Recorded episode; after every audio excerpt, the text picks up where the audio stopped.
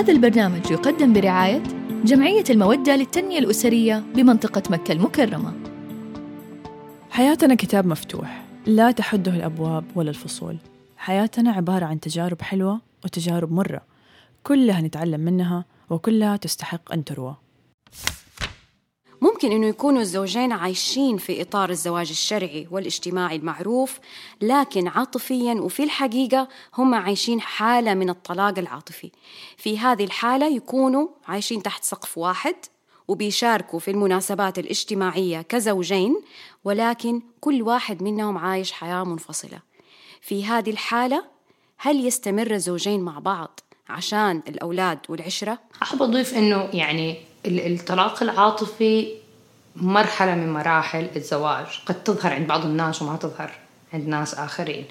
آه، أتفق معك تماما أنه هو يحتاج التزام من الطرفين رغبة في إنعاش الحياة هذه. آه، رغبة في الاستمرار بسعادة أكبر وأنه الطرفين يكون عندهم نفس الأهداف من الزواج. لاحظي من أهم أسبابه للأسف أنه في صورة نمطية عند بعض الأزواج أو الزوجات أنه هو الزواج كده. فإذا كنا نقول الطلاق العاطفي عشان ننشئ أطفال أو أبناء سعداء فأنا آسفة إني أصدمكم إنه إحنا بننشئ أطفال غير مؤهلين لحياة سعيدة. هذا هو نتيجة الطلاق اللي إحنا عايشينه الآن. آه إنه ما بيستمروا لأنهم ما هم سعداء في, في زواجاتهم. وبنعلمهم صورة نمطية سيئة عن الزواج. وبنفهمهم إنه هو بس عشان نجيب أولاد ونربيهم ونكبرهم وندخلهم مدارس بعدين نزوجهم. الزواج مفهومه أعمق بكثير من كده. وفي ألفة ومودة ورحمة أكتر لما نحتك أكتر. هذا الانفصال ما بيحسسنا بأي شيء من هذه المشاعر العاطفية. أحيانا يكون الطلاق هو القرار الأفضل في بعض الحالات لكن بعدها ممكن يشعر الرجل أو المرأة بمشاعر سلبية. مثل الإحساس أنه شخص فاشل أو أنه ما يرغب بمواجهة الآخرين من حوله. ممكن يشعر الشخص بأنه لوحده وما في أحد فاهمه. هذا الشعور يسمى الشعور بالعار. آه، أول شيء الإحساس بالعار أو الخزي يعني اولا الشخص يحس إنه هذا الشعور أو التجربة بس تخصني ما في أحد في الدنيا حيفهم هذا الإحساس.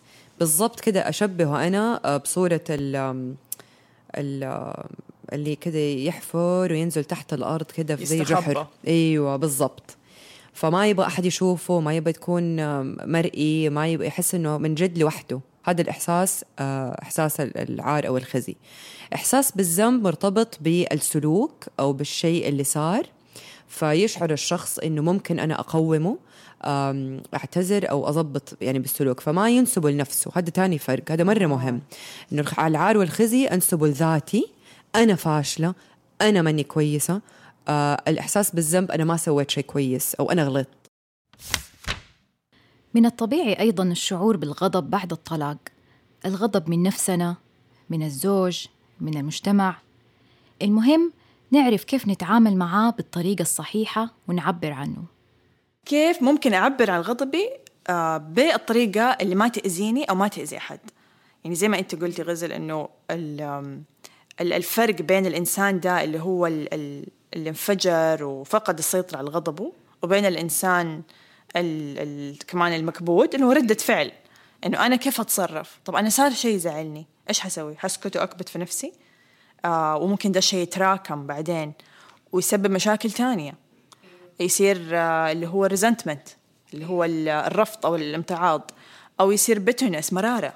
تعرف دول الناس اللي تحسيهم كذا عندهم مرارة؟ مرة علي كثير أيوه كذا غضب عندهم غضب تجاه كل شيء في الحياة. أيوه. لا نحن ما نبغى نوصل لهذه المرحلة نبغى نعدي مرحلة الغضب بطريقة صحية. وبرضه في الآخر إذا أحد محتاج مساعدة برضه نحن ما بنقول إنه الغضب مرحلة سهلة. أم كثير مرات نحتاج نروح لاستشارة نفسية و... ونتعلم المهارات اللي أصلا نحن ومن صغرنا نحن ما عرفنا. كيف نكتسبها. أحيانا تؤدي المشاعر السلبية إذا ما تعامل معها الشخص بالشكل الصحيح إلى الاكتئاب. بعضنا بيمر في هذه الحالة ويخرج منها أقوى والبعض بيظل يعاني لفترة طويلة. زي ما ذكرت آخر دراسة في منظمة الصحة العالمية أنه 300 مليون شخص في العالم يعانوا من الاكتئاب. آه، طبعا أكيد مو كلهم منفصلين لكن هو اضطراب شائع. كثير ناس بيعانوا منه. آه، إنكاره والسكوت عنه بيزود درجة وشدة الاكتئاب. آه، نصيحتنا دائما أنه المساعدة موجودة بس مهم أن إحنا نطلب المساعدة الصحيحة ونساعد الناس اللي حوالينا. إذا شفنا فيهم أي من هذه الأعراض إن هم يروحوا للمختصين عشان يقدروا يتغلبوا على الاكتئاب. ال social media أصبحت أداة متاحة للجميع ولا بد منها لكن استخدامها المفرط في التعبير عن أحوالنا ولا سيما أثناء الطلاق له عواقب سيئة. أنا هذه النصيحة يعني هم ناس بيقولوا آه، إذا كان ولا بد أنك أنت تطلع فاطلع بطريقة معينة والكثيرين بينصحوا إنه على الأقل في البداية لا تقرب من وسائل التواصل الاجتماعي لغاية ما نفسيتك تستقر وتقدر ترجع لشخصيتك اونلاين بطريقة متزنة لأنه قد ما الإنسان يكون عاقل في خلال فترة الفقد دي ترى مرة ما بيكون شخص متزن صح أيوة. يحتاج فترة إنه هو يلملم نفسه إنه هو يبدأ يتعالج آه في طبعا نحن ما حندخل في قضية إيش تسوي عشان تخرج من المرحلة دي لأنه مو ده موضوعنا مم.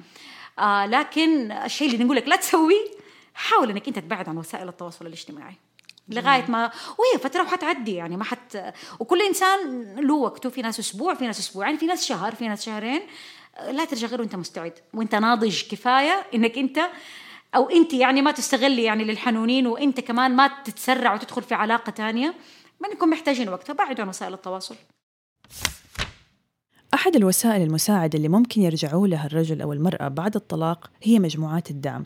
مجموعات الدعم بدأت تظهر في مجتمعنا في الفترة الأخيرة وبدأت تظهر بشكل ناجح. أقول لك إنه الطلاق حاجة صعبة وحاجة مؤلمة بس هي ما المفروض إنها هي تفضل دائما صعبة ومؤلمة. أحصلي على الدعم يعني عادي إنك أنت تدوري على أي حاجة تساعدك. طبيعي إنه أنت تكوني في دي المرحلة تعبانة شوية ومو لأنه أنت ضعيفة أو لأنه أنت منك عارفة تتجاوز الموضوع. كل كل السيدات مهما كانت درجة وعيهم مهما كانت آه، درجة قوتهم وذكائهم وتعليمهم هذه المرحلة صعبة عليهم. فعادي خذي دعم وتجاوز الموضوع بشكل صحي. إن أكثر من يعاني من آثار الطلاق بعد الزوج والزوجة هم الأبناء. وفي حالات كثير بيختلف الأم والأب على موضوع الحضانة وبتوصل الخلافات للقضاء والمحاكم. في هذه الحالة من المفيد جدا تدخل طرف ثالث لحل هذا النزاع ومساعدة الأبوين في التعامل مع الأبناء وتنظيم الزيارات الوالدية بين الطرفين.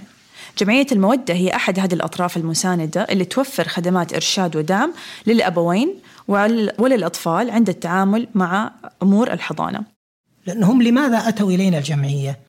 لأنهم مختلفون ومتصارعون. أصلاً. لو هم متفقين ما جوا الجمعية. فإحنا من باب الجلوس معهم ويعني كثرة التوجيهات والإرشاد وتيسير الأمور وحل المشكلات والخلافات التي تحدث وتقريب وجهات النظر أهم شيء. نصل معهم إلى أن تكون الزيارة عن طريق المنزل. وبعضهم قد يصل الزيارة عن طريق مول أو غيره حسب الاتفاق ونعمل معهم اتفاق ويوقع اتفاقية زيارة توقع بينهم وتوضع في الملف ونضع في الأخير شرط. في حال الاختلاف تعود الزيارة إلى الجمعية. الجمعية. ولله الحمد يعني نجحنا كثير في هذا الأمر لأنه أمر صعب جدا. من الخدمات اللي بتقدمها جمعية المودة كذلك هي خدمات الاستشارة للمطلق أو المطلقة. بنقدم الاستشارات بمختلف أنواعها الاستشارات الإلكترونية الاستشارات بالمقابلة آه، التحكيم الإصلاح والتحكيم الأسري آه، الاستشارات الهاتفية. بإمكان أي شخص الحصول على الاستشارة من خلال عدة قنوات إما من خلال الاتصال على الرقم المباشر وحجز الموعد أو عن طريق الموقع الإلكتروني أو من خلال الحضور المباشر للجمعية. من الأشياء المهم نعملها بعد الطلاق هو إعادة ترتيب حياتنا ومن ضمنها أغراضنا وذكرياتنا من الحياة الزوجية. قد إيش هذه الخطوة مهمة؟ لأنها ممكن تحررنا من الماضي وتساعدنا في استقبال حياة جديدة. ينظروا للأشياء الماتيريال هذه كلها على إنها أشياء تربطهم بذكرى معينة لا تربطهم بالشخص. احتفاظنا بأي شيء لا يعني ولاء اللي لازال مستمر لا يعني ضعفنا آه ولا يعني ان إحنا ما إحنا أقوياء كفاية ان إحنا نتخطى العلاقة دي ويموف أون لعلاقة تانية. بس دائما يعني follow your heart إذا حكمتي قلبك أنت حتعرفي. أنت اسالي نفسك هذه الأسئلة كلها ما تحتاجي أحد من برا.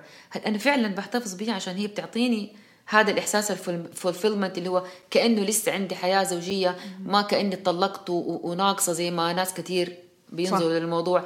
فهي أشياء تربطك بذكريات وبمشاعر ممكن تكون جميلة جدا وما تحتاجي تتخلصي منها ولكن هي ما بتربطك لشخص معين أو للزواج الأول نفسه. قرار الزواج مرة تانية هو خطوة كبيرة ومهمة في حياة المطلق أو المطلقة. لكن لابد من التخطيط لها جيدا. ليش أبغى أتجوز؟ مم. ليش مثلا حتى أحيانا أبغى اتطلق هل أبغى اتطلق عشان أهدم بيت عشان أكسر بيت عشان أشتت أولاد؟ ولا بتطلق عشان أعيش حياة سعيدة؟ إذا أبغى اتزوج عشان أعيش حياتي سعيد مبسوط محقق أهدافي. هذا الهدف. مو بتزوج عشان أهلي بيقولوا لي مو بتزوج عشان هذا الإنسان الجديد يجي ويعوض أو عشان إحساسي بالوحدة. أو إحساسي بالوحدة. إحساس أنا ما أبغى واحد من المخاوف الكبرى. ما أعرف المستقبل إيش حيحمل لي ما بعيش لوحدي. هذا مو هدف صحيح للزواج. فإذا أول شيء تغيير وجهة نظرنا عن الزواج مرة ثانية اثنين لازم يكون التقيت الشخص اللي ارتاح له.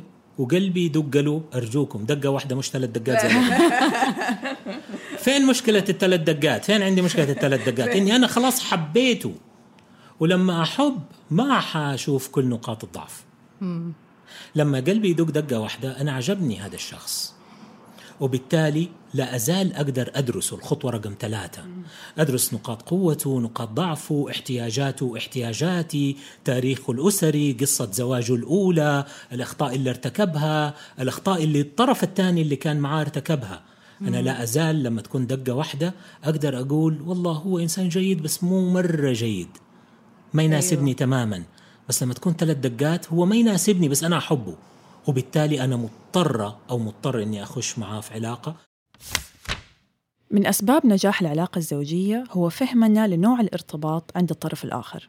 لما نكون إحنا فاهمين الشخص اللي قدامنا فاهمين نفسنا فاهمين الشخص اللي قدامنا وعارفين إيش أو متوقعين هو كيف هيتصرف فأنا لما أعرف مثلا إنه والله زوجي من النوع القلوق آه اللي هو الانكشس اللي دائما يبغى إنه أحد يطمنه دائما يبغى إحساس المستمر باني أنا أحبه وأنا موجودة فأقوم أنا ممكن أقدم هذا الشيء. وفي نفس والعكس صحيح كمان. لو كان آه لو كانت الزوجة مثلا من النوع اللي هي المبتعدة والافويدنت برضو الزوج كيف يقدر يتقرب منها؟ وفي حالة الطلاق إحنا هذا اللي إحنا برضو يهمنا أو يهم آه موضوعنا إنه أنا ممكن لو فهمت أنواع الارتباط هذه ممكن حقدر أفهم مواقف أنا عدت معايا. في السابق مع أيوة. آه مثلا آه زوجي أو زوجتي سابقا وأقدر أفهم ليش يا ترى الإنسان ده تصرف معي بهذه الطريقة أنا كنت مثلا دائما أكلمه وأسأل عنه وأبعث له مثلا مسجات وأقول له وحشتني بس هو كان دائما ما يرد أو كان يزعل وما كنت أفهم ليش مم. فممكن الآن فهم الأنواع هذه حيساعدنا نفهم آه تجارب إحنا عدينا فيها.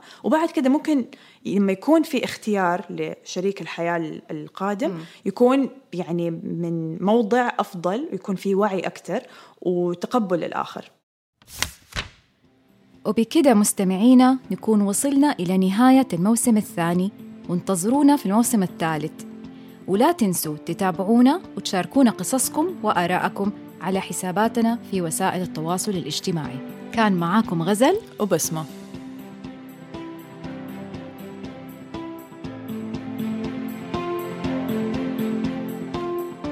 هذا البرنامج يقدم برعاية جمعية المودة للتنمية الأسرية بمنطقة مكة المكرمة.